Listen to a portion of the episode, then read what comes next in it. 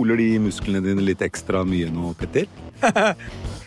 Altså eh, Du eh, strammer, eh, Jeg holder eh, strammer kassa. Ja, jeg gjør alt jeg kan. Altså, vi skal jo ikke røpe hvem vi har som gjest, men jeg gikk rett opp i vakt når gjesten kom inn i dag. Og det er en av de feteste uniformene jeg har sett. Ja, du føler det er, det er uhøflig å bli sittende når en sånn uniform med en mann inni den kommer gående? Ja, jeg kjente at uh, Evjemoen eh, 1980 kom tilbake som en sånn flashback. Du har vært i Forsvaret. Ja, jeg var I dette hæren, det da?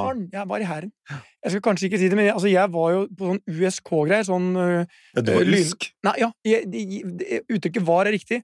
For uh, dette burde jeg kanskje ikke si, men jeg ble kasta ut, for jeg strøyk i noe som het militær oppførsel, og endte da eh, på et sentralbord, hvor det dro ut og inn sånne greier. Og min eh, største militære bragd var at jeg fikk orden på den butikken her. De, de hadde sånn militærnett, så jeg kunne gi mye gratis eh, telefontjenester mot blant annet eh, kona til presten ga meg gratis boller. For hun skulle ringe til Bergen, det var militærnett. Ja. Det var jo fantastisk. Så, men jeg, jeg endte vel som eh, visekorporal. Den, Ja. den er sikkert borte nå, for det er absolutt laveste rang du kan ha. Jeg var korporal, så Du var det? jeg eh, Men hva gjorde du i har en høyere grad enn deg. Nei, jeg var i Luftforsvaret, var eh, på rekruttskole på Værnes de to kaldeste månedene i mitt liv. Ja. Og så var det rett på Forsvarets overkommando, hvor jeg var i pressetjenesten. Og det var kjempegøy. Reiste masse og hadde det superfint. Men vi må vel si én ting, Per. Vi har aldri hatt Altså, jeg ble litt sånn starstruck når, eh, når det liksom døra åpna seg, inn der kommer en sånn Du ser det bare på amerikanske filmer.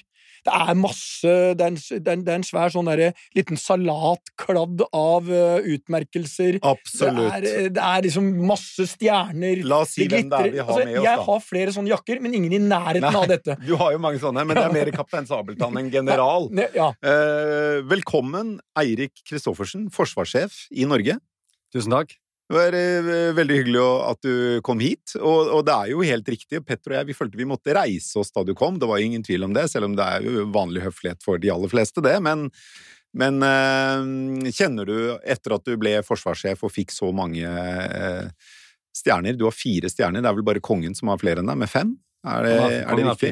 Har han fire han nå? Så du har til og med like mange Femstjernegeneral, hvor henter du det fra? Jeg trodde man gjorde et unntak for kongen, men der tok jeg feil. Så du har like mange stjerner eh, på skuldrene som det kongen har. Hvordan føles det? Det føles veldig godt å være forsvarssjef. Jeg har aldri vært opptatt av eh, stjerne og, og rang sånn sett. Jeg har gjort eh, valg i mitt liv som gjorde at jeg aldri skulle vært forsvarssjef, egentlig.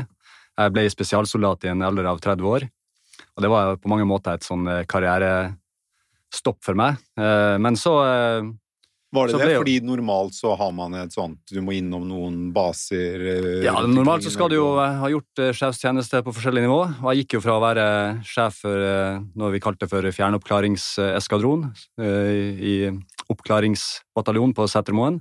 Og så ble jeg, fra å være leder, så ble jeg enkeltmann og spesialsoldat igjen i 1999-2000. Mm. Og det var jo et karrieremessig stopp. Um, Men så eh, kom jo eh, 9-11 i USA, med angrepene på eh, Twin Towers og, alt, og det store terrorangrepet mot USA. Og så plutselig så var spesialstyrkene det vi satsa på i Norge, og så ble det plutselig en karriere likevel for min del. Så litt eh, tilfeldighet er det jo. Ja. Du, du er jo en av eh, kun eh, det er færre enn ti nordmenn som har eh, fått Krigskorset med sverd. Du er en av dem. Ja, jeg fikk eh, Krigskorset med sverd i 2011, etter at regjeringa hadde bestemt seg for å gjenåpne eh, eh, krigsdekorasjoner fra andre verdenskrig. Eh, og da var vi tre som fikk. Eh, dessverre var, var Trond Bolle død i Afghanistan. Eh, han fikk det post mortem. Og så var det jeg og en som heter Jørg Lian, som fikk eh, Krigskorset med sverd på en eh, oppstilling på Akershus festning eh, 8. mai 2011. Hva gjorde du for å fortjene den, eh, den medaljen? Det jeg ble innstilt for, og det var at eh, jeg hadde annet avverga et stort terrorangrep i Kabul i 2008, der vi eh, enkelt forklart eh, raida en stor eh, afghansk eh, ja, Vi kaller det for compound, altså en stor bygningskompleks, der vi pågrep en av de bakmennene som sto bak eh, og planla den siste fasen av terrorangrepet mot eh, hotellet Intercontinental i Kabul. Og vi fikk arrestert han eh, eh, i nattens mulm og mørke, og, og uten at han klarte å, å få iverksatt noe, noe terrorangrep. Og så eh, arresterte vi en annen Taliban-leder i en dal som vi mente var nesten umulig å komme inn i, eh, med en eh, ganske kløktig plan, syns jeg, eh, i ettertid. der vi klarte å lure Taliban til å gå i annen retning, mens vi gikk inn og pågrep lederen som satt igjen i huset sitt litt lenger opp i dalen. Så det var et par sånne hendelser som gjorde at jeg fikk krigskorset med sverd for, for lederskap under, under kamp. Da. Så det var ikke én bestemt handling, det var en, en, en, tjeneste eller noen handlinger som gjorde Ja, det var, det var, to operasjoner den mm. gangen som jeg ble innstilt for, sånn som jeg skjønte. Mm. Det var ikke jeg som skrev innstillinga i det hele tatt. Men det var to operasjoner, og så har man Eh, etter hvert gjort det sånn at eh, du får én medalje for én operasjon eh, i de årene som kom etterpå. Da. Så jeg ble innstilt Det er jo et sånt spørsmål som jeg, jeg har aldri stilt det til noen mennesker før, og jeg tror de færreste har gjort det, men har du drept noen? Ja, det er et spørsmål som jeg ofte får, og jeg liker ikke å svare på det. For det første så syns jeg ikke folk skal måtte svare på det, hvis man ikke da må stille i en rettssak eller noe sånt. Så av respekt for alle de som har gjort det, og som eh, ikke ønsker å snakke om det, og alle de som ikke har gjort det, og som heller ikke ønsker å snakke om det, så bruker jeg ikke å svare på det spørsmålet. Eh, Men du har vært i aktive kamper? Det har jeg vært. Jeg har blitt skutt etter og Noen sier skutt på, heldigvis har alle blitt skutt på, det er det jo kjent det, men de har bomma, da. Har du så... mareritt om nettene for ting du har opplevd? Jeg har ikke det. Jeg har eh, kun positive opplevelser fra fra, for min egen del fra tida i, i operasjoner i utlandet, bortsett fra selvfølgelig at vi har, jeg har vært med på å miste folk, jeg har vært med på, på um, uh, vanskelige avgjørelser, men, uh, men, jeg har ikke mareritt. For min del så har jeg vokst på det. Mm. Ja. Men har bare spørsmål. Du har kommet med bok. Den het Jegerånden? Ja, stemmer det. Ja. Jegerånd er Jeg var mange år i, i Forsvarets spesialkommando, så jeg jobba i spesialstyrkene lenge. Og vi, eh, når vi rekrutterte folk, og selekterte folk, som vi kaller det, altså valgte dem ut, så var det knallharde fysiske prøver. Eh, rett og slett et blodslit. Eh, og mange trodde at vi så etter det fysiske, men det vi så etter, var jo viljen til å ikke gi seg. Og når vi skulle prøve å definere hva vi egentlig så etter, så var det noen som satte seg ned og sa at det vi ser etter, er jo den innbitte viljen til aldri å gi seg. Løse oppdrag, uavhengig av forutsetninger. Og det kalte vi Jegerånden. Så det vi så etter når vi valgte nye folk til spesialstyrkene, det var nettopp den, den viljen til å ikke gi seg og, og, løse det man er pålagt å gjøre, selv om det er vått eller kaldt eller Så det er mer den mentale delen enn den fysiske delen du er ute etter? Ja, vi er ute etter den mentale delen, eh, helt opplagt. Og det, det, det fysiske kan du alltids trene, eh, så det er en fordel å være fysisk sterk. Det er det absolutt. Eh, på noen av operasjonene i starten i Afghanistan så bar vi sekker på, som veide det samme som kroppen min. Altså jeg var dobla vekta mi fra 80 kilo til 160, eh, med ammunisjon og vann og våpen og alt det. Hvor lenge kan du bære en sekk på 80 kilo? Nei, det kan, det kan du ikke så veldig lenge, så det går veldig sakte. Så vi gikk jo kanskje 300-400 meter i timen eh, opp gjennom fjellsiden. Eh, men så må du ta pauser, og så må du komme deg videre. Og Derfor er det fysiske viktig, men, men det kan trenes. Men viljen, er, det er på en måte det vi er ute etter. Da. Kan du se på noen om de har den viljen? ja, Hvis du er erfaren, så tror jeg du kan se ganske klart om folk har den viljen, men du får ikke bekrefta det før du blir satt på prøve. Da. Før du tester det. Ja. Ja.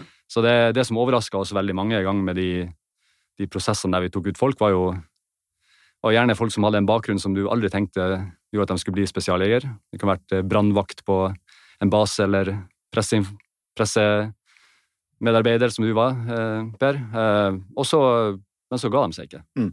Selv om de ikke var toppfysisk, så holdt de ut. og... Fordi jeg, jeg liker jo å tro at jeg er en som ikke gir meg, men, men hvis jeg er kald og våt og trøtt, så er jeg jo definitivt ikke en du hadde lett etter, tror jeg, til, til militæroperasjoner. Det er klart at du begynner å si 'nå er det kaldt'. Ja, nå er det kaldt. Ja, nå er jeg våt. Jeg nå vil jeg hjem, nå, nå, skifte sokker. Er det noen som har kaffe her? Ja. Eh, ja. Jeg ser ikke for meg det som en sånn spesialsoldat. Jeg nei. vet ikke hvorfor. Nei, ja. overhodet ikke. Ikke du heller, er du det? Det er aldri verden. Nei. Nei, men folk klarer jo mye mer enn de tror, ikke sant. Og, og det er noe med at du kommer i et eh, team, du blir en del av en gjeng, og så, og så gir du deg ikke, mm. for du er også en del av gjengen. Og det, det er også en viktig egenskap, da, at vi, ikke, vi er veldig eh, redd for egoister som bare tenker på seg sjøl. Så de må eh, kunne ta vare på seg sjøl, men de må også ta vare på de andre rundt seg. For å orke det å være kald og trøtt og våt og redd og alle de følelsene og, og, og liksom fysiske ubehaget som man må stå i over tid, som spesialsoldat, så er det vel ikke bare det at du må ha en det må falle deg eh, naturlig å liksom holde ut, men man må vel også tro på noe som gjør at man føler at det er verdt det?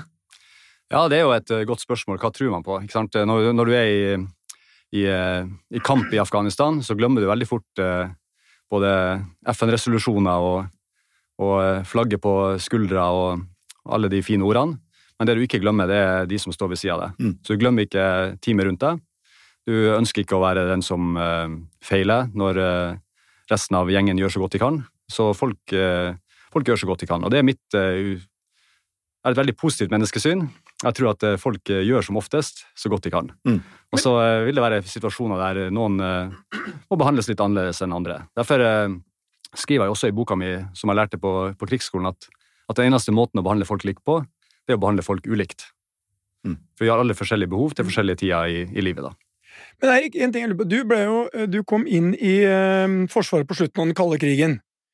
Hvis du ser Hvis du drar en linje fra den gangen eh, og fram til det globale verdensbildet du ser i dag, med en rekke statsledere som i beste fall er utfordrende Putin, Bolsonaro, Orban, Radev Kanskje kan vi legge til Trump også? Hva, hvilken effekt tror du de har på den globale stabiliteten, sånn du ser det? Nei, Det er utfordrende. Det er utfordrende at vi har et eh, Kina som, eh, som er villig til å, eh, til å, gå ganske langt i bruk av ikke-militære og militære virkemidler for å oppnå sine mål. Russland definitivt bruker både militære midler, som vi har sett i, i Syria, og vi har sett det i, spesielt i Ukraina, Georgia. Så vi har, vi har, en del stater som er villige til å bruke makt for å oppnå sine mål. Utfordringa er jo at, at, de statene som vi snakker om der, Russland, Kina, er ikke det vi kaller for liberale demokrati. Så det som er, det er utfordringa fremover, er å ta vare på en, på en rettsbasert verdensorden, og, og fortsatt dyrke, dyrke, frem liberale demokrati, som er kongstanken. Og det blir utfordra nå, når vi ser at, at store nasjoner som, ikke, som, er langt fra det, er villige til å bruke såpass mye makt for å oppnå sine mål. Ja, Bakgrunnen for spørsmålet mitt er hvis du hadde kunnet begynne nå som forsvarssjef med helt blanke ark, og du skulle lage et nytt forsvar, hadde du bygd det forsvaret sånn vi har forsvaret i dag? Og hvis svaret er nei, hva er da ditt optimale forsvar i en helt ny verdensorden? Ja, Det er et veldig godt spørsmål. Ville vi ha startet, gjort akkurat det samme som vi har gjort i dag? Det ville vi jo selvfølgelig ikke. det. Det er en stor arv her. Men men er også, eh, derfor er det også viktig at Forsvaret kontinuerlig utvikler seg. Og, og, det er en, eh, vi er en konservativ organisasjon. På mange måter så er det bra. Vi har tatt vare på mange ting som, som gjør at skiftende trend, politiske trender gjør at vi ikke blir, må kaste oss helt rundt. Men, men, det er opplagt at Forsvaret må kontinuerlig utvikle seg. Og jeg kommer aldri til å få sjansen til å starte med blanke ark, så det er et veldig hypotetisk spørsmål. Men, men jeg ville ha et forsvar som var mest mulig balanse mellom Hæren, eh, sjøstridskreftene våre og, og, Luftforsvaret. Ville du investert i fregatter hvis du skulle startet med blanke ark? Ja, med fregatter ville jeg investert i i dag. Det ville du investert i? Ja, i dag, ja. Og, det ville jeg gjort. Men, og, men, vi skal jo utrede nå hva som er den fremtidige eh, krigføringen i maritimt domene. Det som er, det som er fregattene sin store, sin store forse, er nettopp antiubåtkrigføring. Og, eh, og det er ubåter utenfor norskekysten og ute i Norskehavet som er som utgjør en stor trussel hvis det skulle dra seg til med en konflikt. Eh, da vi vokste opp, Petter, eh, så var jo den kalde krigen eh, intens, og, jeg husker selv fra da jeg var barn, så var det øvinger med å komme seg ut fra klasserommet og ned i bomberommet i kjelleren på Smestad skole. Det var jo absurde øvinger sett med dagens øyne, men det føltes jo i hvert fall for for et barn som en reell trussel.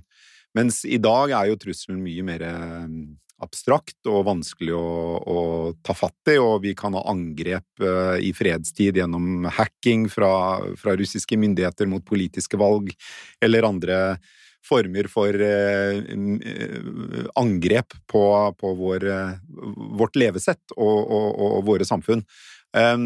Er det vanskeligere å være forsvarssjef i dag enn det var for 30-40 år siden? Nei, det, det, er det ikke. Det var, det var, ikke noe mindre sammensatt den gangen. Altså, atomvåpen var en reell trussel. Uh, vi har fortsatt atomvåpen i verden. Uh, vi har nasjoner som er villige til å bruke makt, som jeg var inne på i stad.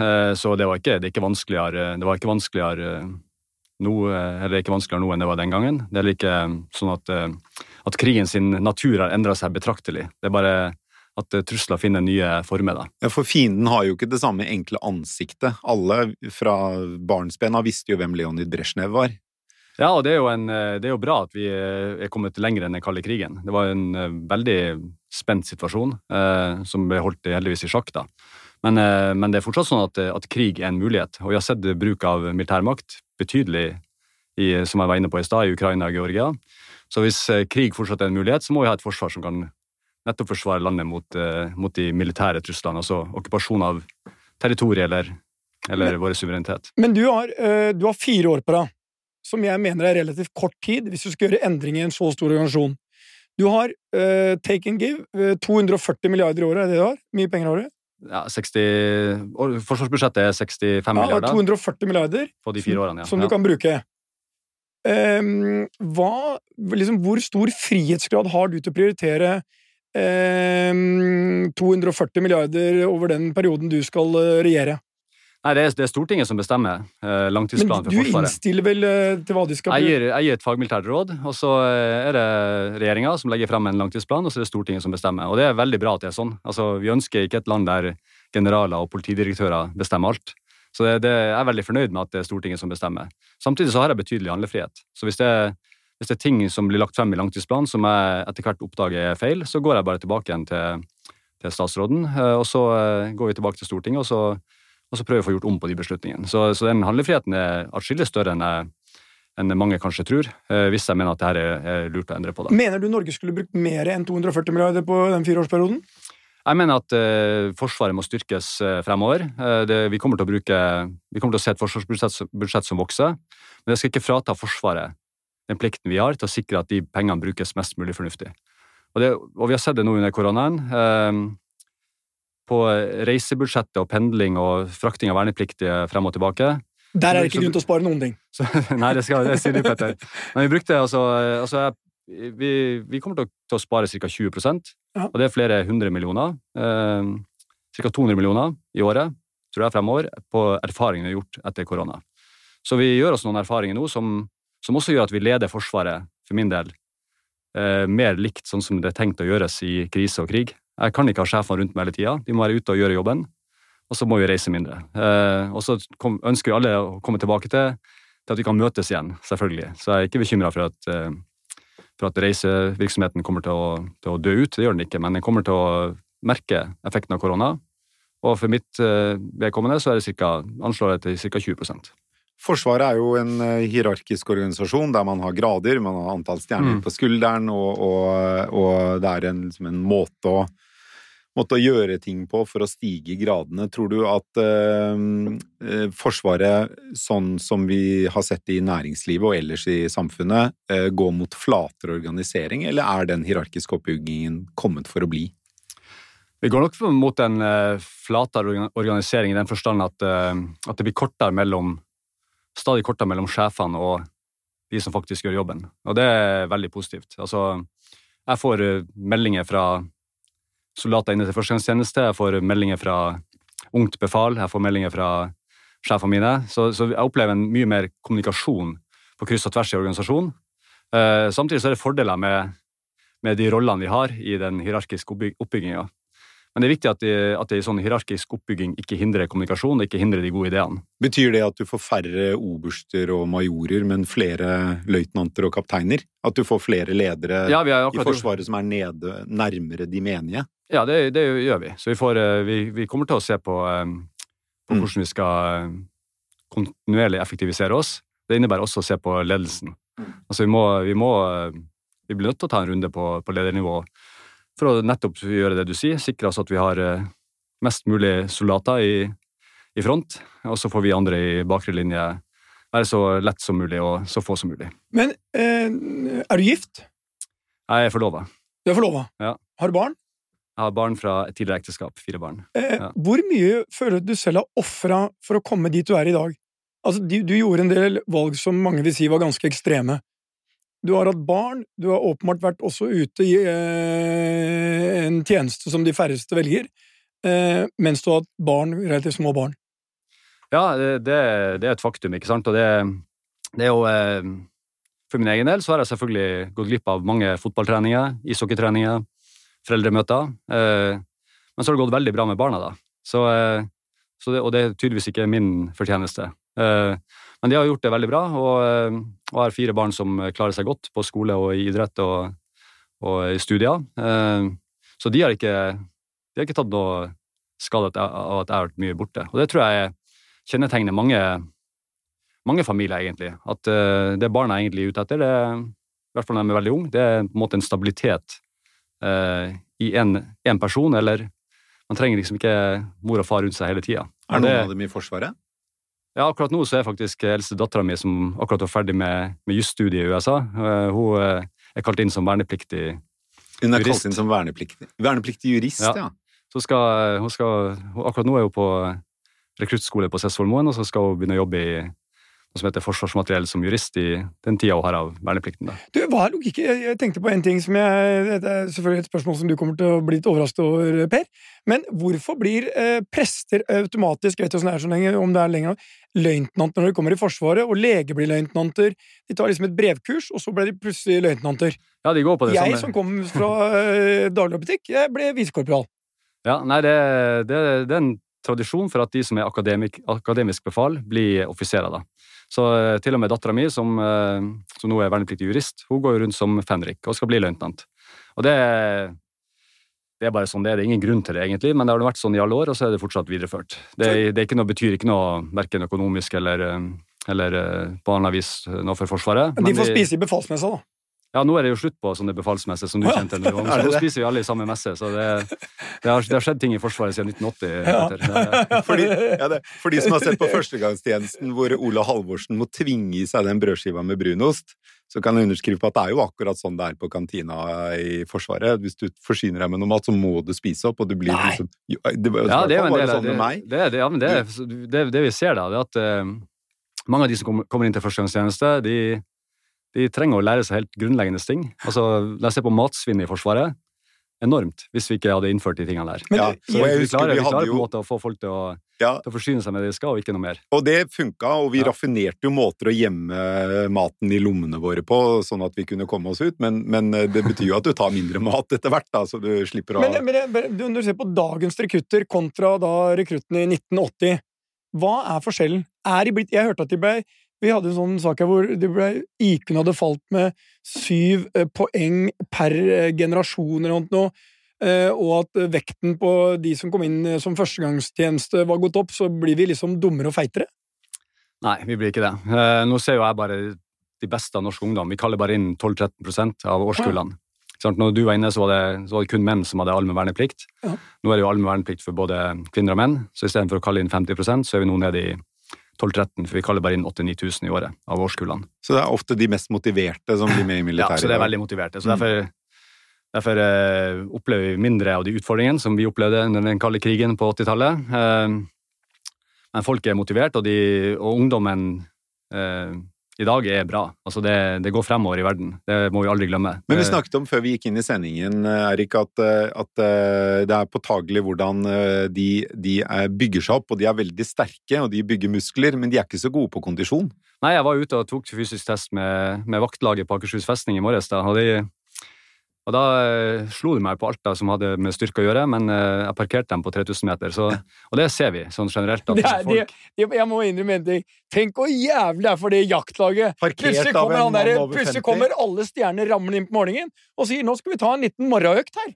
Og så skal du avslutte med 3000 meter. Og så grisebankeren, da! Og han er mannen har passert 50, eh, liksom!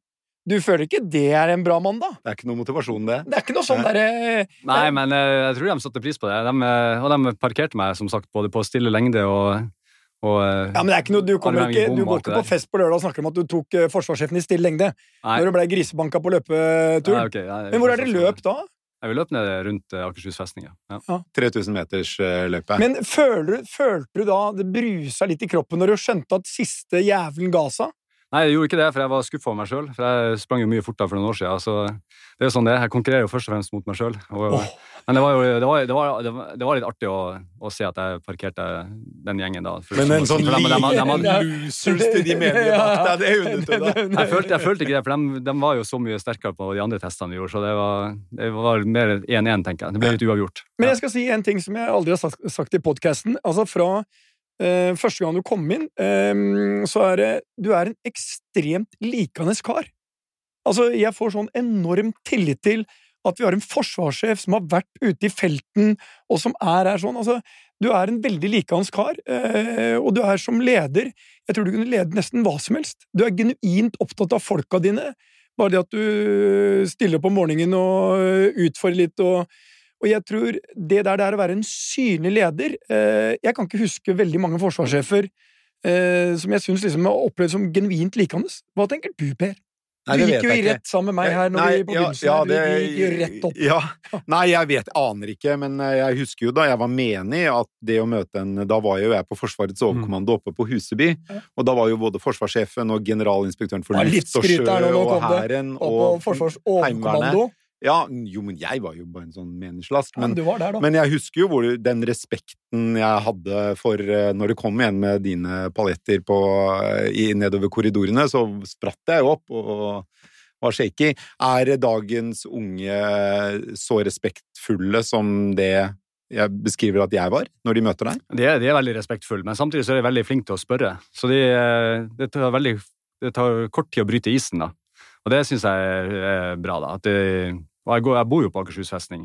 Forsvarssjefen har jo en bolig Og du har hjem der, ja? så jeg bor jo midt inne på Hva gjør forloveden din? Hun jobber også i Forsvaret. Hun jobber på Rygge. Hun er i Luftforsvaret, som Per Ja. har vært. Eh, Og så er hun eh, i kommunikasjonsbransjen i Luftforsvaret. Mm. Så vi har, vi har et hus på Jeløya, det der hjemmet mitt egentlig. Men så når jeg blir forsvarssjef, så er det boplikt på forsvarssjefens bolig på Akershus festning, og da var det bare å flytte inn der òg. Har du, har du tjenerstab? Det har jeg ikke. Jeg har ikke, ingen, ingen tjenerstab, det har jeg ikke. Det, det er vel som å være leder for en hvordan som helst eh, statlig organisasjon. Det er ikke noe, det er ikke noe ekstra service. Har du mange middager sånn hvor du har sånne eh, middager hjemme i forsvarsboligen eh, hvor du har eh, Nato-sjefen på besøk for å snakke om globale utfordringer? Ja, jeg skal ha det. Nå i november så kommer Nato-sjefen, altså formannen i militærkomiteen i Nato, han kommer opp til Norge. Men pga. korona så har jo alt endra seg. Så derfor har jeg jo veldig, jeg føler at jeg har veldig god tid akkurat nå. Eh, reise er på en måte redusert til et minimum. Eh, vi gjør Alle Nato-møtene skjer på videokonferanse. Jeg skulle vært og møtt mine nordiske kollegaer. Det blir også kansellert. Så, eh, så jeg gleder meg veldig til, til det her pandemien går over en gang. Eh, For det, det hemmer faktisk mye av den, det samværet vi burde hatt for å snakke om viktige ting. da. Bare, jeg- bare et sånn fagmilitært spørsmål. Um, det var en diskusjon for noen år siden om når vi skulle velge var det JAS Gripen eller Starfighter eller hva det prosjektene het. Ja. Og så endte vi da med den amerikanske utgaven. Ja. Hvis vi hadde valgt i dag, hadde vi heller valgt det svenske flyet enn det amerikanske? Jeg har en veldig enkel regel. altså Hvis vi, hvis, hvis vi skal kjøpe ting som flyr i lufta, og som skal virke i krig, så er det veldig lurt å kjøpe amerikansk. Okay. Så, eh, så F-35 er en formidabel eh, maskin som kommer til å prege Forsvaret så lenge jeg lever, i hvert fall. Eh, På samme måte som F-16 også har gjort det i så mange år. Eh, Og vi ser det når vi kjøper ja, vi kjøper amerikansk som en del av en stor produksjonslinje i USA, så får vi veldig god kvalitet. Vi sliter veldig med, med et maritimt helikopter som heter NH90, som er levert fra et, eh, ja, fra et europeisk samarbeid. Vi kunne ha kjøpt andre helikoptertyper som hadde virka mye raskere. da. Så, så det er en trygghet i, eh, i å være en del av en, en stor produksjonslinje. Og det, det så vi på F-16, og det kommer vi til å se på F-35 jagerfly òg. Vi kommer til å ha, ha det flyet i, i hvert fall i 40 år. Har du vært i et sånt fly? Jeg har ikke vært inni det, nei. Eh, Jeg har vært, eh, det er jo Utfordringa med det er at det ikke er baksete. Men jeg flydde baksetetur med F-16. Men F-35, eh, da blir det historie, da. Hvordan var det å fly F-16? Sitte i baksetet? Ja, det er jo fantastisk. Det er det. seg. Altså, det er jo en Du ble ikke dårlig med å bruke den Nei, jeg ble ikke det, men jeg holdt på å bli det. Vi, vi fløy både i lys og mørke, og også på tanking i lufta med en svær sånn eh, tanker. da. Nei, det er jo et, eh, du føler at flyet er veldig lite når du sitter inni der, men det går jo utrolig raskt. Og, For, forklar meg, hvor, hvor, hvor når du tanker i lufta, altså kommer en ledning ned fra et stort fly som ligger over eller under da? ja, over. Over. Ja. Og så skal den treffe et lite hull, man skal Mm. få bensin. Ja. Ikke, det høres veldig risikofylt ut. Ja, de, er- det gjør det sikkert. Jeg er ikke flyger, men, eh, men de, det var helt udramatisk når jeg gjorde det, og var med på den. Så Men hvordan er det? Altså, du, så de, det, er jo, ikke sant, det er jo fart. Eh, når, når du har samme farta på begge to, så står du i praksis stille, da. I men du, du står stille i 800 km i timen. Ja, ja, du gjør det. Altså, ikke sant? Du, du har jo samme, de tilpasser jo farta så helt nøyaktig. Tenk, like tenk hvis også- du og jeg skulle gjort det der med et par Ja. bilgreier. Ja. Jeg kjørte fuelbilen, og du, du kjørte ved siden av. Jeg tror ikke det hadde gått så veldig bra. Det hadde det ikke. Ikke, ikke sånn hvis dere gjorde det i morgen, men hvis dere trente på det et års tid, så hadde det jo gått bra. Ja. Eh, du, eh, vi begynner å nærme oss slutten, men jeg lurer på en ting, Erik. Fordi, og det er jo kanskje, du, du er jo nettopp i starten av din, eh, din tid som forsvarssjef.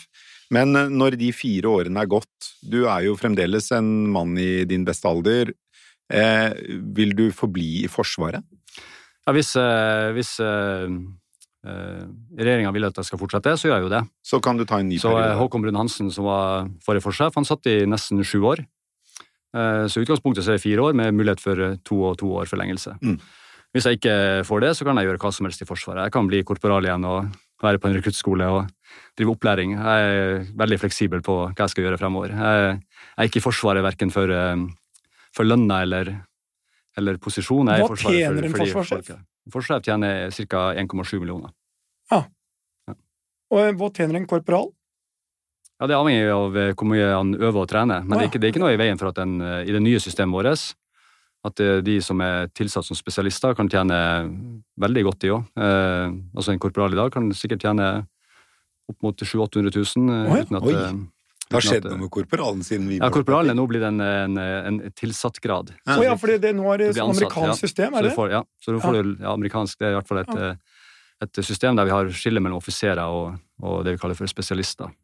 Så en korporal kan bli ansatt og, og ha en lønnsutvikling som er betydelig uavhengig av graden. Da. Ja. Så hvis Siste, det, ja. siste, jeg eh, hørte at dere akkurat eh, hadde eh, et samarbeid med sånn cyber eh, Jeg satt og hørte på Ja, på altså, game, i jeg- jeg- gamere. Det var et eller annet hørte på radioen. Sånn, nå har dere begynt å samarbeide med de gamesport-greiene. Hva var det det var, Per? Ja, det var, ja, vi har, det, Forsvaret har gjort det for at det vi ser at vi, vi, vi trenger jo nye folk inn. Vi trenger folk som er gode i, i cyberdomenet, som det heter. Ja. Som, som skjønner hvordan trusler vi blir ut, utsatt for i, i den, uh, gjennom det, gjennom cyber. Og så trenger vi folk som er gode på space. Så det er to nye, altså rom. Det er to nye satsingsområder for Forsvaret som kommer til å være med på å prege oss fremover. Det er ikke lenger bare på land, på land og i, i sjøen og i lufta at eh, ting skjer. Det skjer også i, i cyber, som vi er veldig klar over, men det skjer også veldig mye i rommet som vi også må følge med på. Det, Det blir jo en, eh, I forlengelsen av det, da, før vi runder av, så, så er det jo, i og med at cyber er en så viktig del av sikkerheten og Forsvaret, eh, kan man se for seg at man får en generalinspektør for cyber? Ja, vi har egentlig det. Eh, Vi har en sjef for Cyberforsvaret, så det og så er er det litt sammensatt hvem som er ansvarlig for hva innenfor cyber, på samme måte som det er innenfor andre, alle andre domener òg. Altså, politiet har sitt ansvar, sektorene har sitt ansvar, næringslivet opplagt for å beskytte seg sjøl. Og så er det og så, er det, og så skjer det grep nå med, med at Etterretningstjenesten også får et prosjekt der de skal legge til rette for at vi kan eh, få mer oversikt over trafikken som kommer mot Norge i cyber. Så det, det, skjer, det skjer ting fort der, og det gjelder å henge med på utviklinga. Mm. Så enkelt er det. Petter, det så ut som du skulle si noe, men Nei, eh, altså, du Jeg syns det har vært en veldig fin podkast, og eh, jeg føler meg tryggere eh, nå eh, med den forsvarssjefen eh, vi har foran oss, enn eh, jeg følte før jeg gikk inn i podkasten. ja, Så bra. Ja, jeg føler at vi kunne ikke fått en bedre forsvarssjef, hvis jeg skal være ærlig. Tusen takk skal du ha for at du kom i studio, Eirik eh, Kristoffersen. Tusen takk. Vi eh, snakkes neste uke, vi, Petter. Det gjør vi. Ha det godt. Gi vakt.